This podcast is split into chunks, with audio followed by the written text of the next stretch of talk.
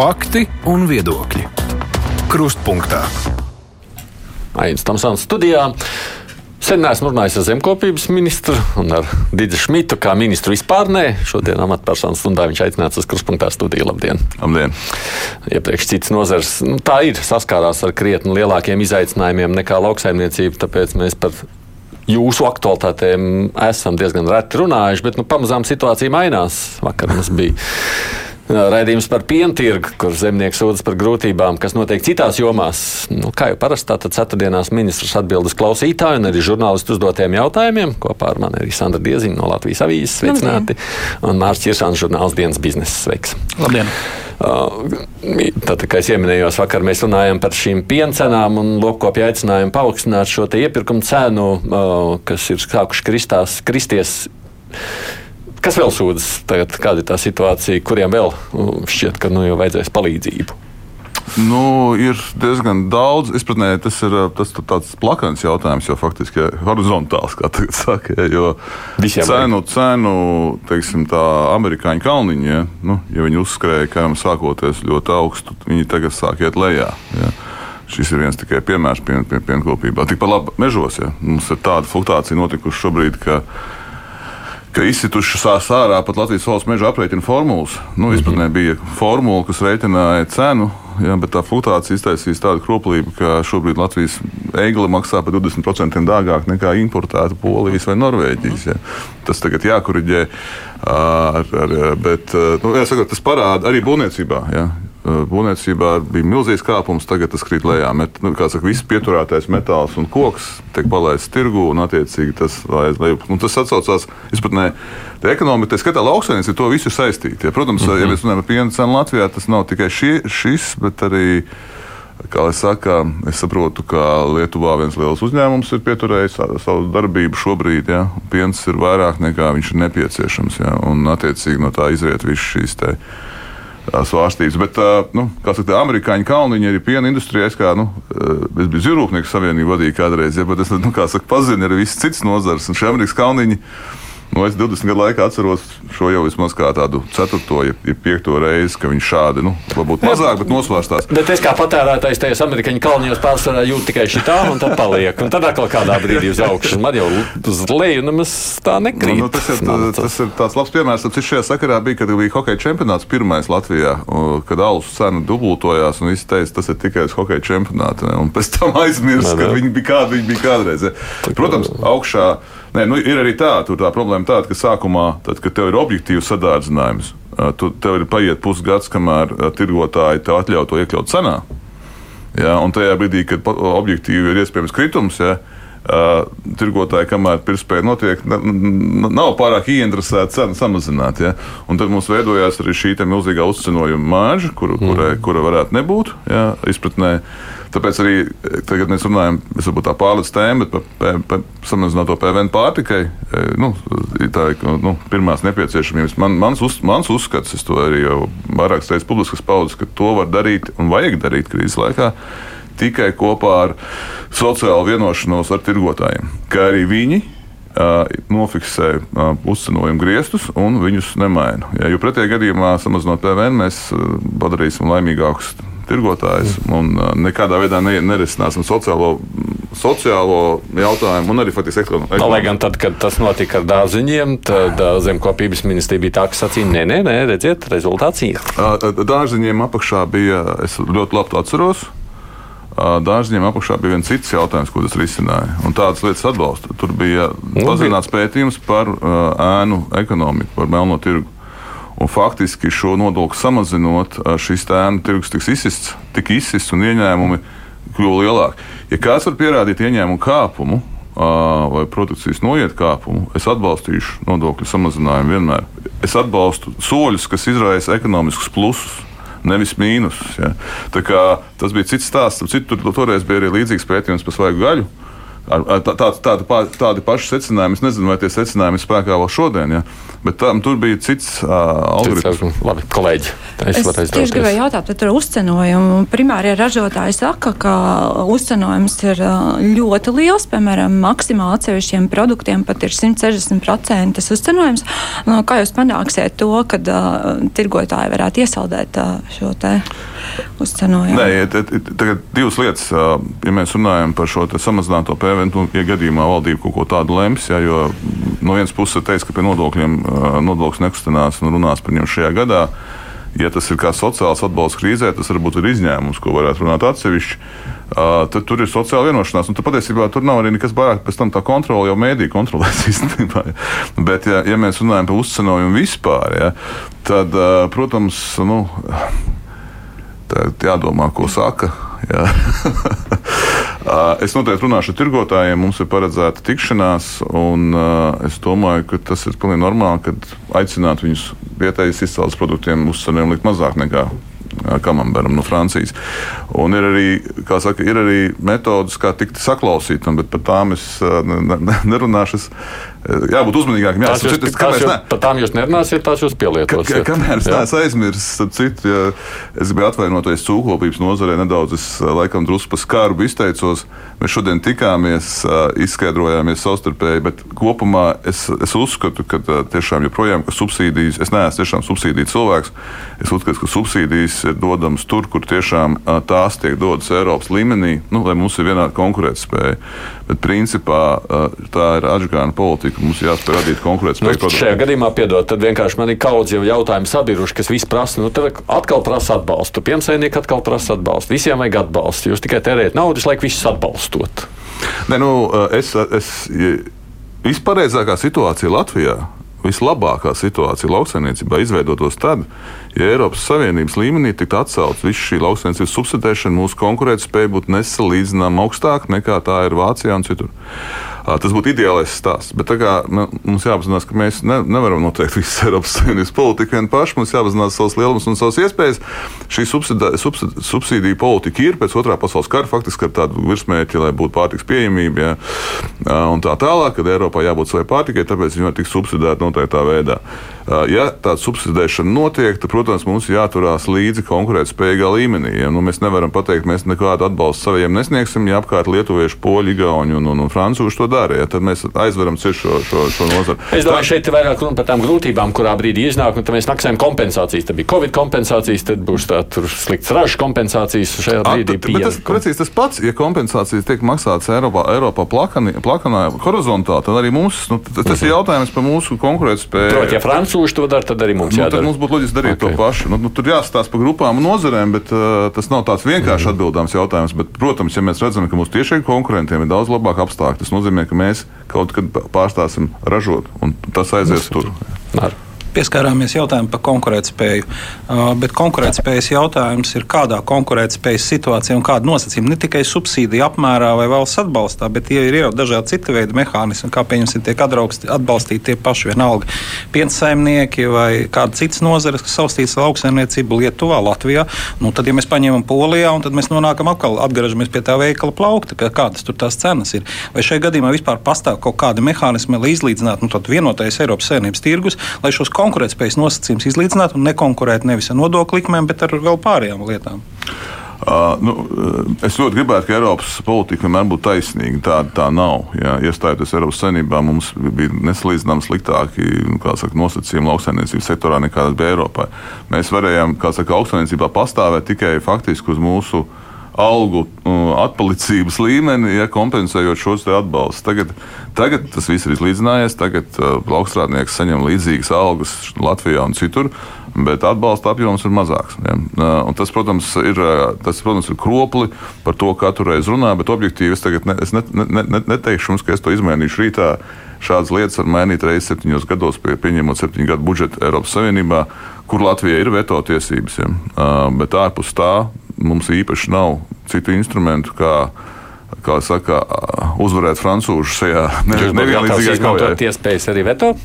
Es domāju, nu, tagad mums ir septiņu gadu periods sācies. Nu, sācies jā, tas, tas, tas būs tiem ministram, kas būs pēc gadiem pieciem vai sešiem. Nu, ja tas būšu es, es noteikti neizslēdzu tādu iespēju. Es nedomāju, ka jāiet gluži tas ceļš, kā poļi dara, ka viņi vienmēr uzliek veto un tad gaida, ka viņam atnesīs. Bet ir jābūt arī saprātīgam, bet, nu, manuprāt, šī netaisnā atbalsta politika ir pilnībā pret. Nu, šī ir kaut kādas lietas, kas ir Eiropas Savienības dibināšanas aktos. Nu, mēs taču Eiropas Savienību dibinājām ar diviem lieliem virsmērķiem, lai, ne, lai ne, nebūtu kara pamats nākotnē, izlīdzināt brīvais tirgus un tā tālāk, lai nebūtu par ko karot. Un otrais bija harmonizēt, izpratnē kohēzija, mēs to vārdu visi zinām, vienādot Eiropas Savienības ekonomikas, lai viņas būtu vienādā līmenī.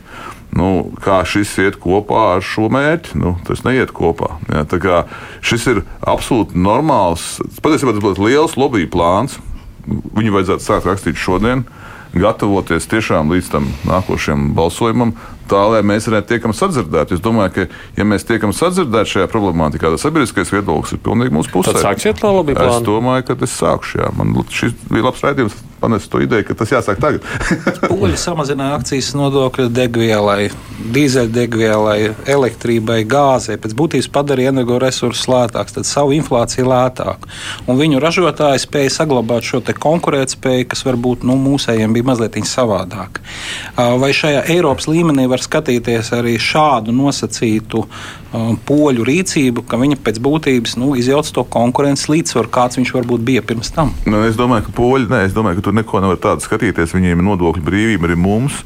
Nu, es tikai, nu, kā saka, es domāju, ka mēs noteiktos brīžos varam no polijas mācīties. Nu, labi, ir lieta, kur mēs vairs nevaram mācīties, bet viņiem ir, nu, izpratnē, ārpus šiem instrumentiem, viņiem ir tāda lieta kā nacionālā valūta, joprojām, ar kuras palīdzību viņi var ļoti liels korekcijas veikt. Mēs redzam, pat tajā lielajā finanšu krīzē, ja polijas līkni negāja uz leju, kur visiem gāja. Tas nenozīmē, ka es tagad aicinu iet prom no eiro. Ja es tikai saku, ka viņiem ir tāds instruments, tāpat kā Zviedriem, Dāņiem un citiem, joprojām viņu rīcībā arī ar šo strādāt. Ja to gudri dara, tur var diezgan labi teiksim, ekonomiski koriģēt. Uh, bet uh, jā, poļiem. Es domāju, no poļiem jāmācās kaut kādā ziņā. Nevis, uh, kā saka, jākritizē. Tā doma, ka mums tāpat jādara. Ja? Es domāju, gribu atgriezties pie tiem veikalu plauktiem. Lospi ir izpētījis, ka 65% ir importa produkti un tikai 35% ir vietējie. Ko mēs varam darīt, lai tomēr panāktu nu, to pretējo? Ka mums būtu Latvijā veikalos vietējie produkti vairāk, jo arī nākot šeit šurp uz raidījumu, es iegāju tuvējā pārtiks veikalā un tur ir tikai uh, igauņu piens, nav neviena vietējā piena. Nu, tā ir liela problēma. Uh, jau saka, ja mēs skatāmies ilgtermiņā, ja, tad kāpēc tas tā ir? Ja, mums ir ļoti daudz, kur pārtiks pārstrādē, sadrumstalota pārstrāde, ļoti bieži uz iekšēju tirgu orientēta, labi jau uz Baltijas tirgu. Man nepatīk tagad savu valsti pazemināt, noteikti tas nav mans mērķis, ja, bet jābūt arī objektīviem. Ja paskatāmies uz Lietuvu, viņš šodien ver uzņēmumus, kas ir vismaz Eiropas Savienības tirgus iekarošanai plānoti. Ja. Un tajā brīdī, kad viņiem Latvijas tirgus ar viņu pienam sastāda pāris procentus, ja, viņi var turēt cenu, kādu viņi grib. Un, protams, ražotājs, kas ražo tikai Latvijas tirgumu, Nu, viņam tāda iespēja nav. Viņiem jānopelna Latvijas tirgu. Un, bet, protams, tur nav kāds būri nūjiņas. Tas nedaudz saistīts, man liekas, nu, izpratnē. Var jau visu laiku no valdības valsts gaidīt, bet tas arī, man liekas, druskuļi nacionāls pašapziņas jautājums. Kā saka, no tās viensādas domāšanas iet ārā, un mums ir ļoti daudz labu piemēru, ja, kur mēs varam visu pasauli iekarot. Ja, tas vienkārši ir uz to ir jāiet. Ir, tas, tas ir pie ilgtermiņa. Otra, otrs jautājums ir tas, ko es jau pieminēju, tas ir darbs ar, ar tirgotājiem. Ja. Un, uh, Un, uh, nu, acīm redzot, kaut kāda diversifikācija jā, jāsāk veikt. Jā. Jūs aicināsiet pie viena galda? Ja, mēs, mēs tiekamies, jā, mēs mm -hmm. tagad nepateikšu, kur dienu. Man liekas, ka jaunadēļ, jaunadēļ man ir. Uh, plānot tikšanās ar tirgotāju. Par to sadrumstalotību piena nozarē jau runā 30 gadus, man šķiet, kad ir pārāk daudz uzņēmumi. Jūs vakar tikāties, vai nu, bija kaut kādi risinājumi šajā Mēs vakardien, virzienā? es, es teikšu tā, vakardien mē, mums bija, jā, bija piensaimnieki pie manis, diezgan divas stundas, kā saka, apspriedām šo piena situāciju. Mm. Uh, tā bija vairāk, kā saka, tikšanās, kurā es uzklausīju viņu viedokļus par to, kāpēc ir tāda situācija un, un, kā, un, un tā tālāk. Kā saka, pēc dienas stundām vienojāmies, ka pavisam drīz tiekamies vēlreiz, lai runātu, ko darīt. Tā kā, nu, kā laikam Andris Bitte, LDDK prezidents, teica, Latvijas ekonomiskā reliģija jābūt eksports, eksports, eksports. Ja mēs orientēsimies uz vietējo tirgu, mēs visticamāk nebūsim konkurētspējīgi nekad. Ja. Tā, nu, to es varu no zivju nozares pateikt, un savādāk. Jā, tā, Bet mēs nedrīkstam aizmirst vietējo tirgu. Mēs nedrīkstam, protams, tā ir mātes mājas tirgus un atstumšanās, par to nav runa.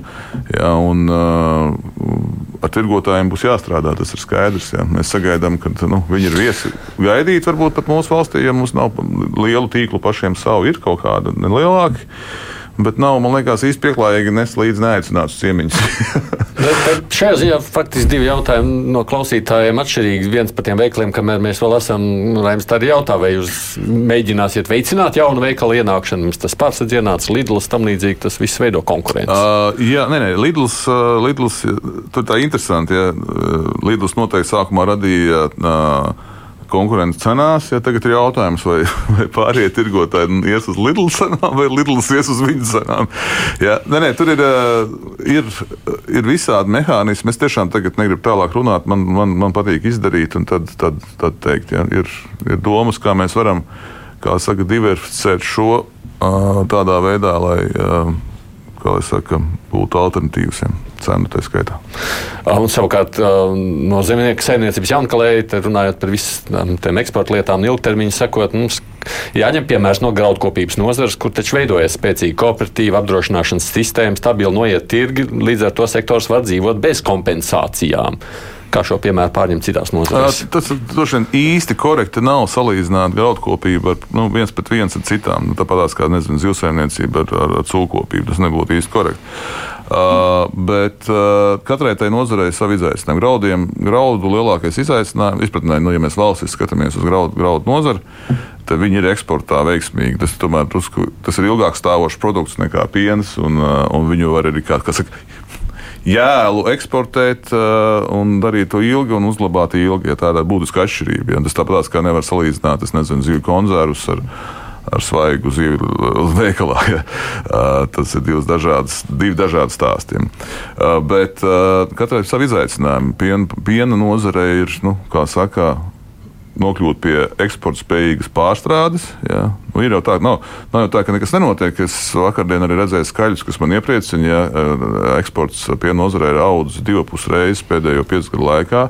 Labi, tie apjomi, protams, joprojām ir neliels salīdzinot ar mūsu konkurentiem, bet viņš aug. Ja. Tas ir gan saldējums, gan. gan, gan nu, ne, jā, ne, ne, skaitļi bija, ka 65% mēs no piena produkcijas eksportējam, 35% tikai paliek pašpatēriņam. Jā, bet tad vienmēr tiek jaukts, vai tas ir svaigpiens, kas ne, tiek jā, eksportēts, kopā, vai, kopējais, vai, vai tas ir pārstrādes produkts. Kopējais.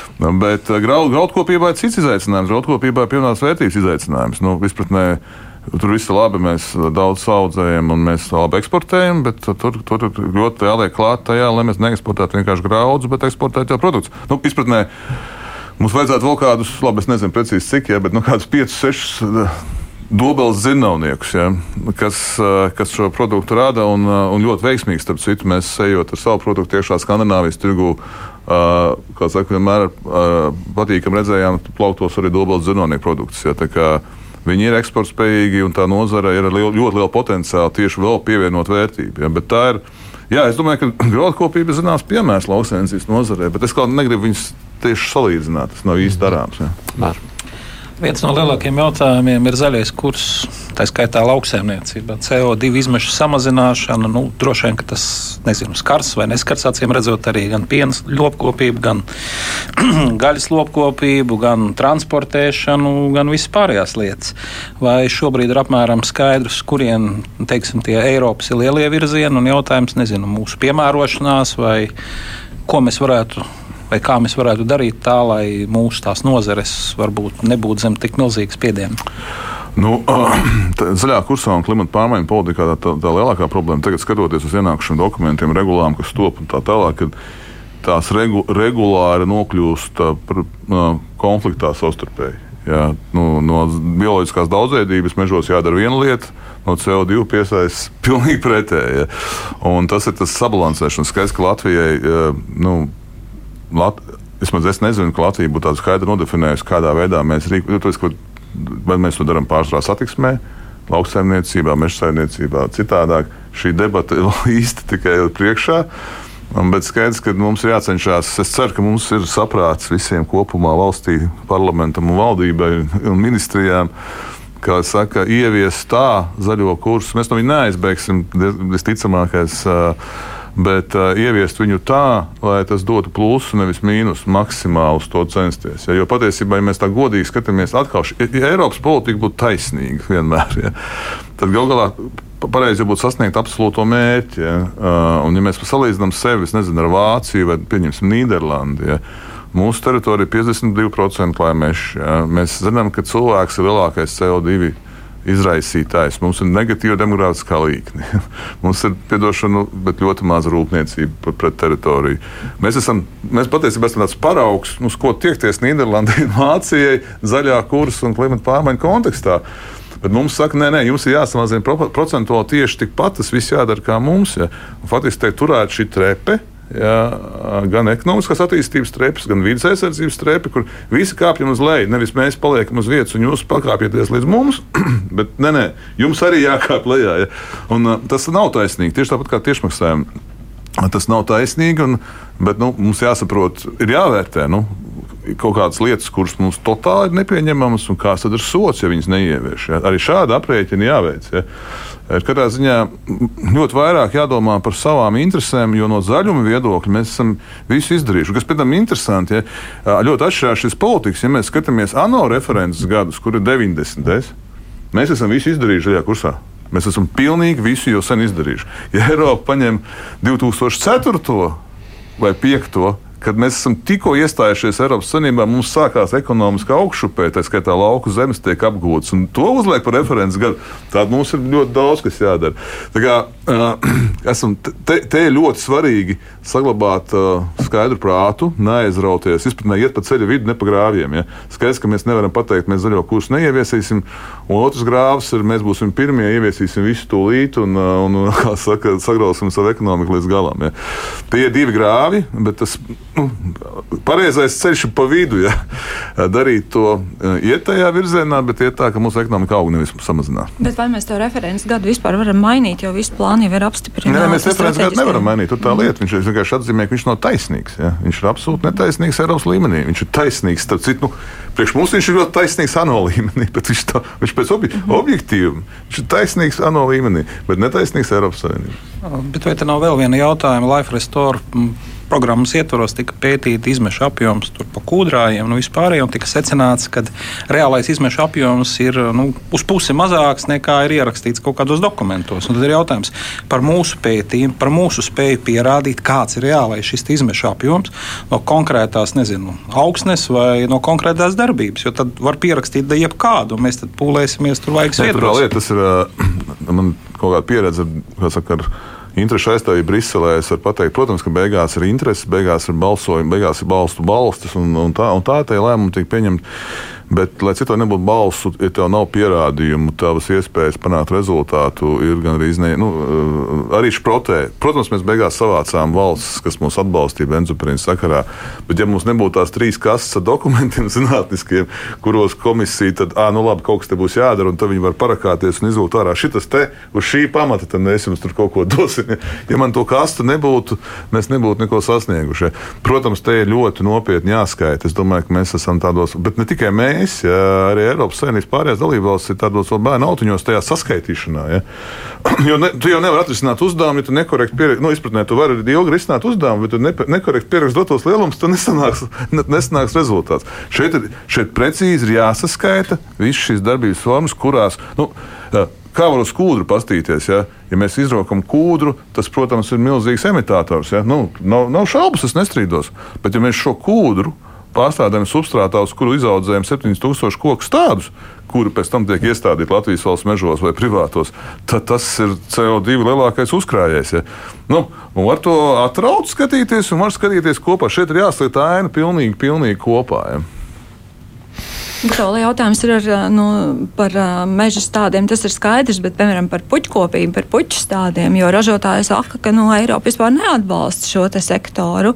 Un, un, un, un, ja ir jāaudzē nu, siltumnīcās, kas ir jāapkurina, jāapsilda, un, tas, un vajadzīgs nepieciešams tātad jaunās tehnoloģijas, nu, kā tad tas iet kopā?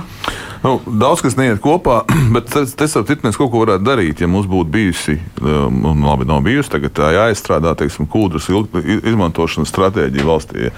Tas, kas man vienmēr ir licies diezgan nu, jocīgi līdz šim, kad uh, kūdras mums ir viens no bagātākajiem kūdras resursiem Eiropā, un viņš nav nekad saskaitīts valstiskā līmenī. Tagad valsts meža pirmo pētījumu dod uh, uh taisa, drīz būs pabeigts jā, nu, par saviem aktīviem, bet principā Pa kūdru izņemot no vidas aizsardzības viedokļa, neviens kā par ekonomisku resursu nekad nav rūpējies. Ne ekonomikas ministrijā, ne citur. Ja. Nav cilvēku, kas atbildētu par to, cik mēs pievienojam vērtību kūdrai. Tas tā kā Norvēģijā par naftas eksportu neviens neatbildētu valstī. Ja. Un, attiecīgi, man ir smags aizdoms, ka mēs neesam guvuši no šī resursa to, to, to ienākumu, ko mums vajadzēja gūt. Ja. Jā, jautājums, ko to resursu var darīt. Mums jau ir bijuši neviena diskusija arī šeit, kruspunktā raidījumā. Nu, mēs jau pārsvarā šobrīd cīnāmies par to, lai vispār to var izmantot stāda audzēšanā visām pārējām lietām. Par kurināmo jau šo. Nē, nē, par kurināmo neiet runa. Nu, kurināmais ir kaut kāds krīzes gadījumā. Nu, tagad ir ļoti augsts arī to galdu sadedzināt. Tādā ziņā kūdra ir liederīgs resurs, bet skaidrs, ka ir no ekonomiskas pilnās vērtības uz viņa ir jāaudzē vislabāk koks tādi, kas ir CO2 kontekstā, bet, protams, arī ziedi un, un, un, un, un nu, māja, kā, kā sauc tos mājas, mājas augi un tā. Kurš tā? Tāds - viens, kla... viens klausītājs par purviem te prasa, vai ministrija plāno atjaunot nosacinātos purvus un tirgot CO2. Es domāju, ka tā, tā, purvi tas atkal nav tik vienkārši jautājums, tāpēc ka purvi ir. Un, Purvi ir dažādi, un tās teritorijas, kur ir bijuši purvi izstrāde, arī ļoti dažādas, dažādi augsni. Ja. Vienā ir iespējams, un, un tas droši vien ir vispareizākais, audzēt mežu. Citā varbūt tās ir dzērviņa audzes, kas ir arī citu, ļoti labs produkts un eksporta produkts nu jau sen. Citā varbūt ir tiešām kaut kādas vietas, kur jāapludina, bet apludināšanas, es, apludināšanas fans es noteikti neesmu. Mums ir pietiekami daudz mitrāju un ūdeņu Latvijā tāpatās nekopi, tā skaitā, ja, un uh, ūdeni uh, izpratnē. Apludinot pūru ar ūdeni, tu varbūt CO2 piecu gadu laikā dabūni lejā, ja, bet tur rada pēc tam metāna gāzes un cits, kas arī siltumnīcas efektu radošs. Es īsti to nesaprotu. Es neesmu zinātnieks, ne, nepretendēju pasaku dievs, ja, bet apludināšanā man ir diezgan vienkārši daudz jautājumu, es nesaprotu. Ja. Man liekas, tas ir, ja mēs varam apstādīt dzērniem, kas, citu, arī ir uh, uzkrājējis, uh, vai vēl labāk stādīt mežu tajās teritorijās, tā mums milzīga iespēja, starp citu, šīs te padomu laikā rekultivētās kūdras bijušās teritorijas ir milzīga iespēja, kur mēs varam parādīt savu CO2 piesaisti pareizi to darot. Ja. Nu, ļoti liels temats. Un, uh, tam pat ir finansējums, uh, kā saka, un tas uz to jāiet. Nu, reiz vēl pēc zaļajā teritorijā esam Edgars prasa, vai tiešām atbalstāt mazo hesu vismaz daļai nojaukšanu, un tā varētu drīz sākties? Es, uh, pie, uh, uh, uh, jautājums, es to pats esmu teicis, jautājums uz uzsvaru. Uh, tas, ko ne tikai es atbalstu, ne tikai saka, Latvija atbalsta, bet atbalsta Eiropas Savienība. Šobrīd Zivsainīcijas fondā tam ir speciāla sadaļa nu, nākošajā periodā. Tas ir proti nāšu upu vai lašu nāšu upu atjaunošana, jeb, nu, tas, kas, kas ietver sevi šķēršu nojaukšanu. Ja. Izpratnē es nesaku, ka es tagad atradīšu lielāko mazo heisu un, un mēģināšu viņu uzspridzināt. Nu, es jokoju. Tie veidi dažādi. Tas ir zivju ceļš, tas ir tikpat labi upes palaišana riņķī heisam.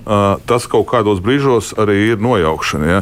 Bet, un īpašniekiem būs iespējas izvēlēties. Tam ir pieejama Eiropas, tā ir Eiropas Savienības politika. Mums ir vissliktākais stāvoklis kaut vai lašiem un tēmiņiem. Tur, protams, ir vēl citas, citas nianses, kā milzīga malu zvejniecība Latvijā. Ja? Bet šis ir viens no šķēršļiem, ir viens no lielākajām, lielākajām problēmām. Ja? Kā tā izvēle būs jāveic? Lūdzu? Kad tā izvēle būs jāveic? Izvēle, nu, mums jāskatās normatīva akta. Šobrīd Biors ir, nu, institūts Biors ir saskaitījis, apzinājies saskaitījis šos tā saucamos šķēršļus. Kopumā Latvijā ap tūkstoš tādu ir. Nu, tas ir tā kā Uh, upes ir, ja salīdzinām cilvēku, tas ir asinsvadu sistēma. Ja? Mums ir ap tūkstoš trombiem ja? dažādos asinsvadu biezumos. Uh, kas, uh, nu, kāpēc arī jūras zivju daudzveidība mainās? Tāpēc, ka nav īsti nāšu vietu vairāk. Tur ir tie dāmas saskaitīti, un, un viena no teiksim, normatīvu stāstiem ir, ka kā, tam pieejami Eiropas fondi. Nu, tajos, kas būs prioritārie dāmas, īpašniekam, lai kas tas nebūtu pašvaldībai privāti, ir noteiktā laikā izvēle. Ja? nu, vai nu uzbūvēt uh, efektīvu zivju ceļu, vai nu.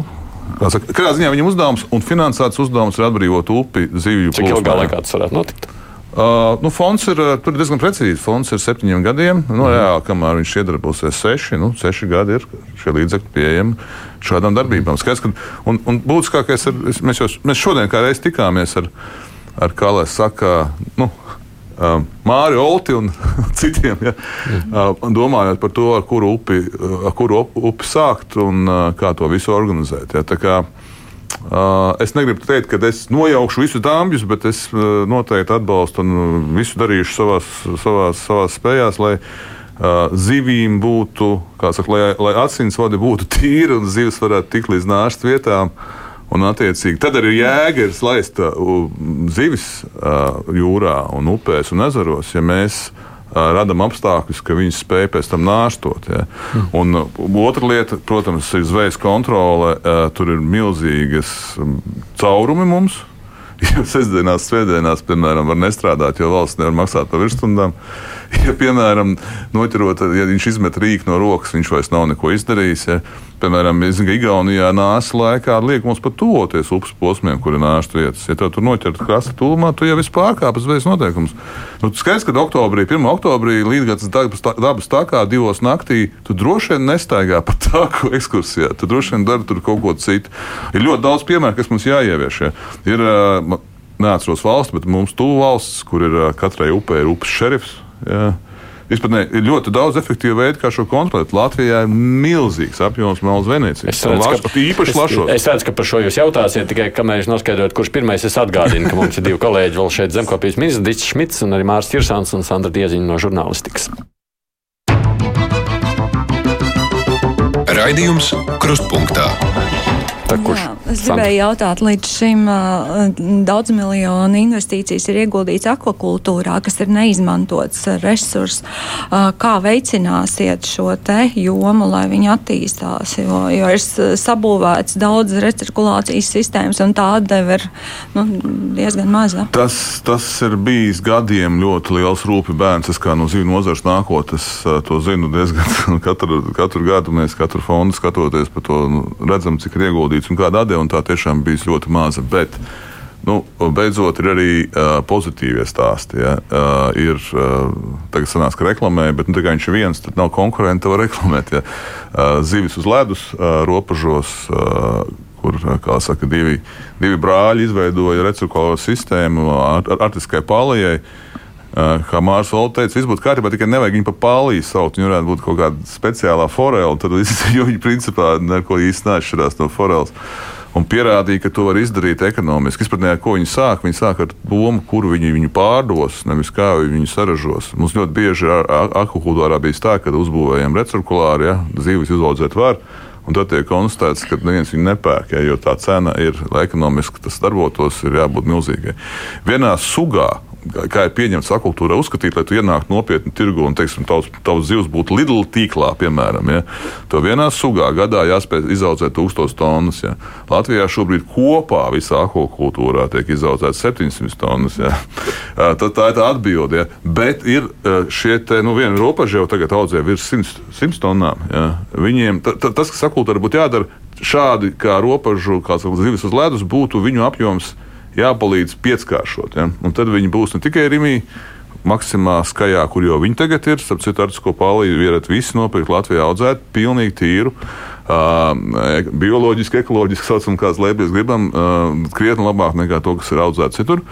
Uh, bet tajā brīdī, kad uh, viņiem viņi spēs pieskāršot tos apjomus, viņi arī spēs beidzot nopietni nopelnīt. Ja? Un tā ir tā Tā ir tā, tas tas viss, kas jādara.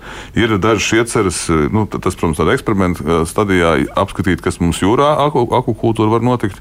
Bet tās es par tām iecerēm pašlaik tālāk nerunāšu, lai viņas tur sāk. Saka, tur ir daudz jautājumu, kas jārisina līdz tam, bet kāda izpēta, nu, tā mēs varētu ieskaitīt vai ne, šo kā iespēju nākotnē, to mēs veiksim. Jā. Jūs teicat, ka uh, tieši jādod vairāk finansējumu tiem, kas jau kaut ko ir izdarījuši.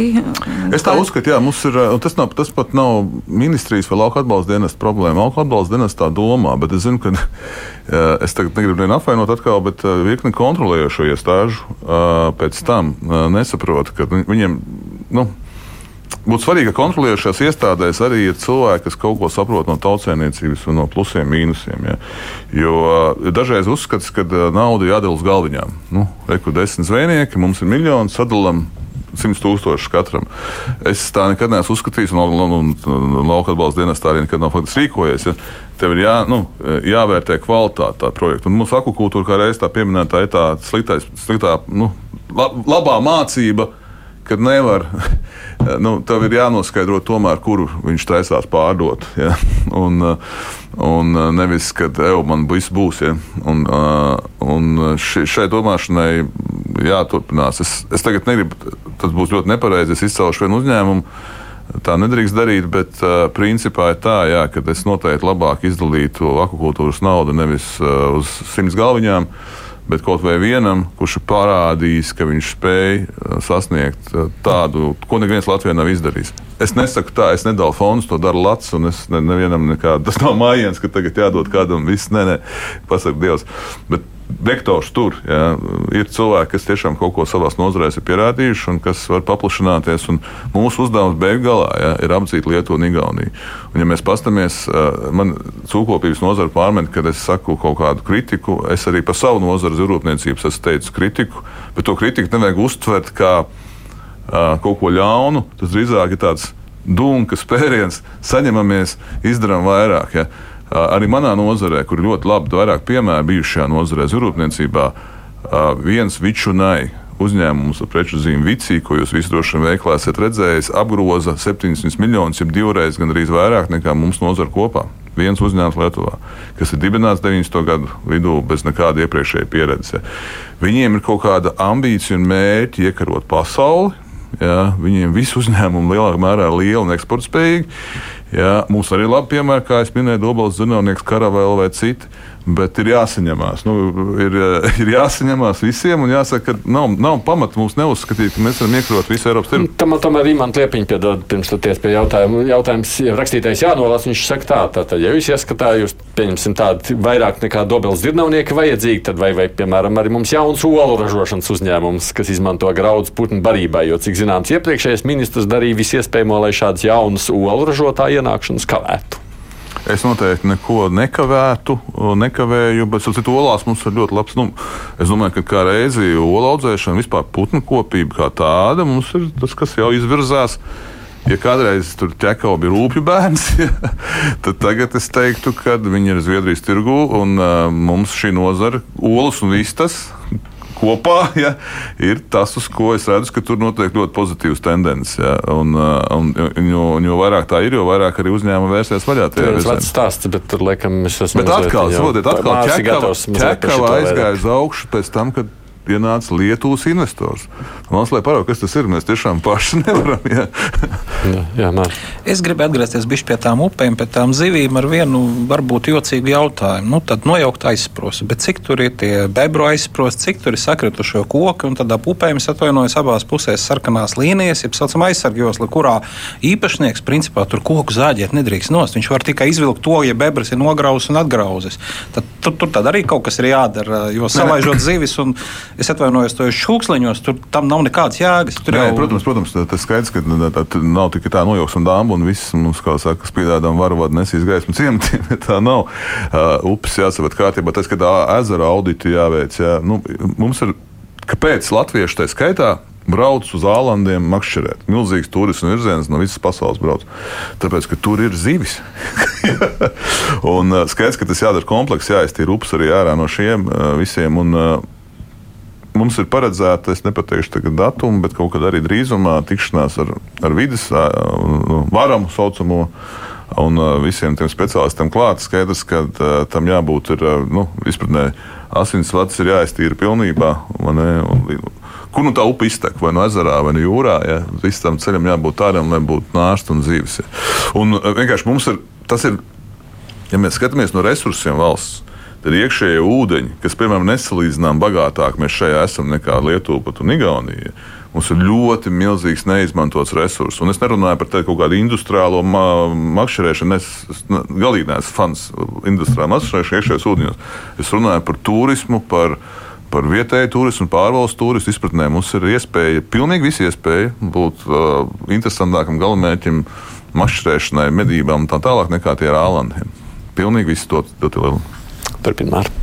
Es gribēju vēl, kas saka, papildus. Mēs te runājam par daudzām citām nozarēm, bet meža saimniecība. It kā jau sākumā jūs te minējāt, ka šobrīd ir tās milzīgās svārstības. Tas nozīmē, ja to resursu cena kritīsies, tad privātais meža īpašnieks vispār atceroties to iepriekšējo jauko cenu, viņš necirtīs. Tas nozīmē, ka valsts meži strādās kā buferis nestrādās kā buferis, viņam vajag strādāt kā buferim, nevajag strādāt, vai arī tad, tā industrija, ja viņi secinās, ka valsts mežos ir pa 20% dārgāk nekā atvest no Zviedrijas, nu, es nezinu, kas tur notiekās tajā brīdī, tad ir jautājums, vai ir kaut kāda nosacīta nevis individuāls risinājums, bet nu, pielāgošanās sistēma fakts, ņemot vērā situāciju, kāda ir Eiropā vai pasaulē šajā es nozarē. Es esmu uzdevis valsts mežiem nu, tā, nu, pastarpināt šo risinājumu meklēt, jo, protams, protams, ka tā, tā, tas nav normāli. Kas, kas, kas vienkārši sākās šobrīd, tie, kas ir šīs meža strādi, saka, izsolē vinnējuši, viņi sāk informēt Latvijas valsts mežus, cik es zinu,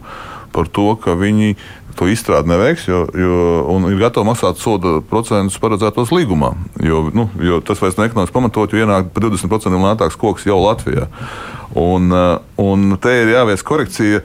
Kādreiz labu gribētam, ne, un tas, tas bija arī pareizi. Ja Latvijas valsts meža izstrādāja šo algoritmu, nu, cenu algoritmu, kurš normālos apstākļos bez šādām fluktuācijām strādā. Bet tagad tas algoritms ir tāds, ka tajā brīdī, kad viņš uzliek augšā nokrīt, tā cena tajā izsitās ārpus formulas un, un radās šis sadārdzinājums.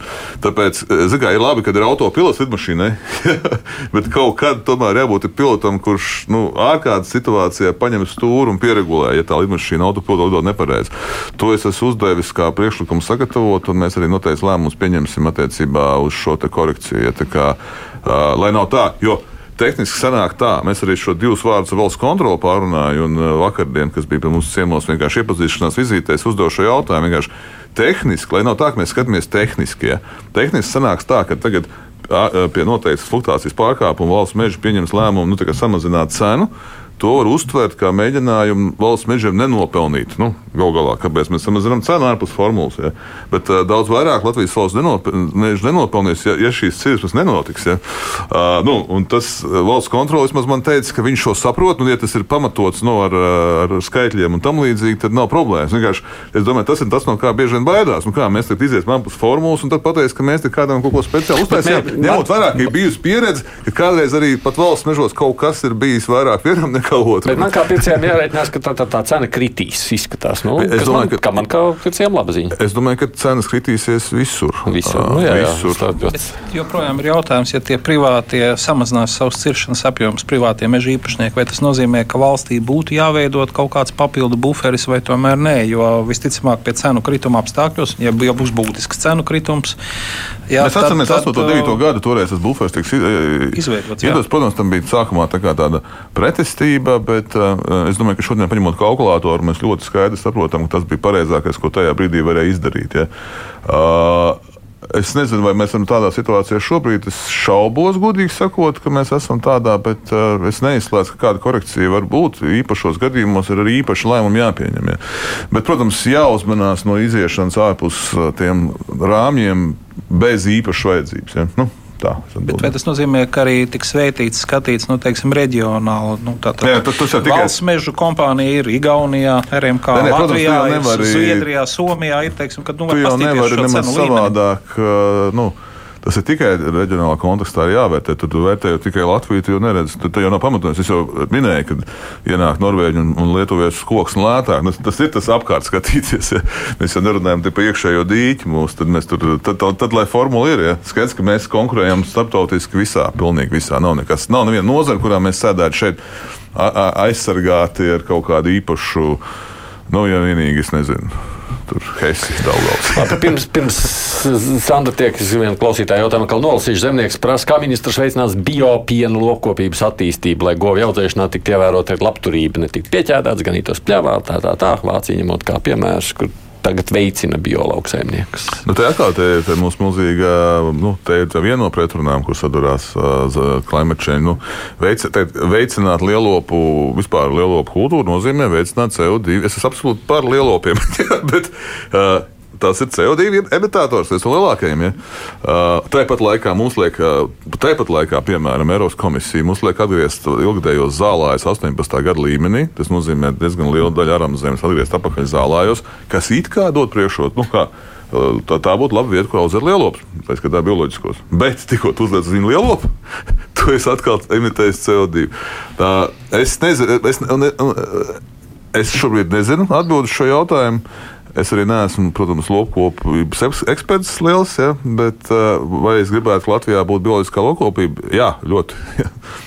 Vai tas būs iespējams? Ka šis ir vēl disks. Jā. Nu, uzreiz jāklausītājiem jāsaka, ka Šmits šajā ministrā amatā ir cik ilgi? Mēnesis un nedēļa. Mēnesis un nedēļa to jārēķinās. Jā, man gribas Sad... jautāt par pārtikā nacionālās drošības jautājumu, kas mums notiek ar strateģiskajām rezervēm, valsts strateģiskajām uh, rezervēm. Tas, ko es zinu, ka lielie pārtiks ražotāji ar ilgu derīgumu termiņu tiek iesaistīti dažādās mācību, tajās civilās vai militārās aizsardzības mācību procesā. To es zinu individuālā kārtā, ka tas ir bijis. Ja. Uh, bet uh, šobrīd es saprotu, ka arī pēc civilās aizsardzības stratēģijas tiek strādāts pievienot aizsardzības stratēģiju klāt Droši vien, ka tur nu, tas ir Mārku Čīnskā redzes lokā, droši vien tur šķilsies kaut kas ārā. Ja. Pārtiks ražotāji, protams, ir gatavi, ja valstī nepieciešami pārtiks rezerves uzkrājumi, tos ražot un piegādāt. Viens jau nesaka nē. Ja.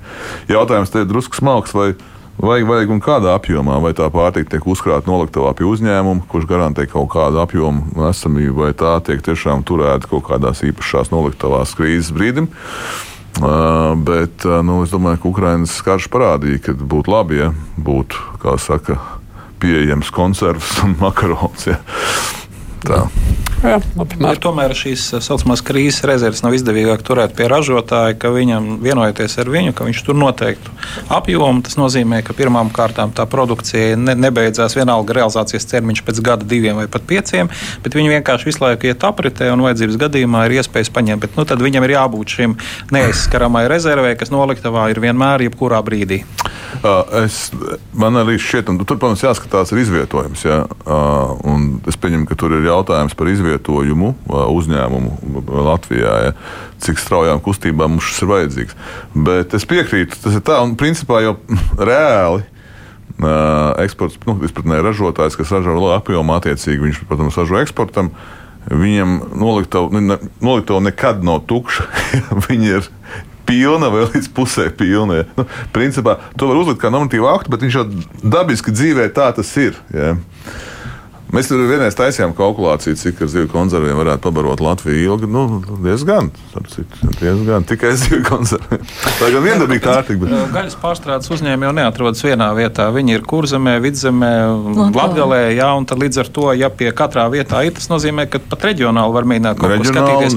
Ja mēs vēl iesaistam iekšā veikalus, kuriem ir jābūt nu, konkrētai, es atvainojos, putrājumi, makaroni, nu, sakiet, ko tur vajag tādai paciņai, ja? tad arī viņiem jau šī rezerve var būt uz kaut kādām piecām dienām, ne jau uz milzīgu apjomu. Un tad, ja es... saliek šo kopā, principā nav vajadzīgs speciāls noliktavas, nav vajadzīgs speciāla administrēšana, nav vajadzīgs domāt, ko pēc tam darīt, ka viņam tur derīgam termiņš kaut kur iet. Un, un, un ir vēl viena nianses šim klāt, jā, ļoti, citu, ļoti būtiski un saliekot, kā saka, vajadzību ar, ar plusiem, ja, nu, ar eh, iespēju saliekot kopā. Ja, mums ir milzīgs mednieku kolektīvs uh, nu, Latvijā ir milzīga stalbriežu populācijas pieaugums, kas apdraud mežus, apdraud laukus un tā tālāk. Milzīgs. Ja.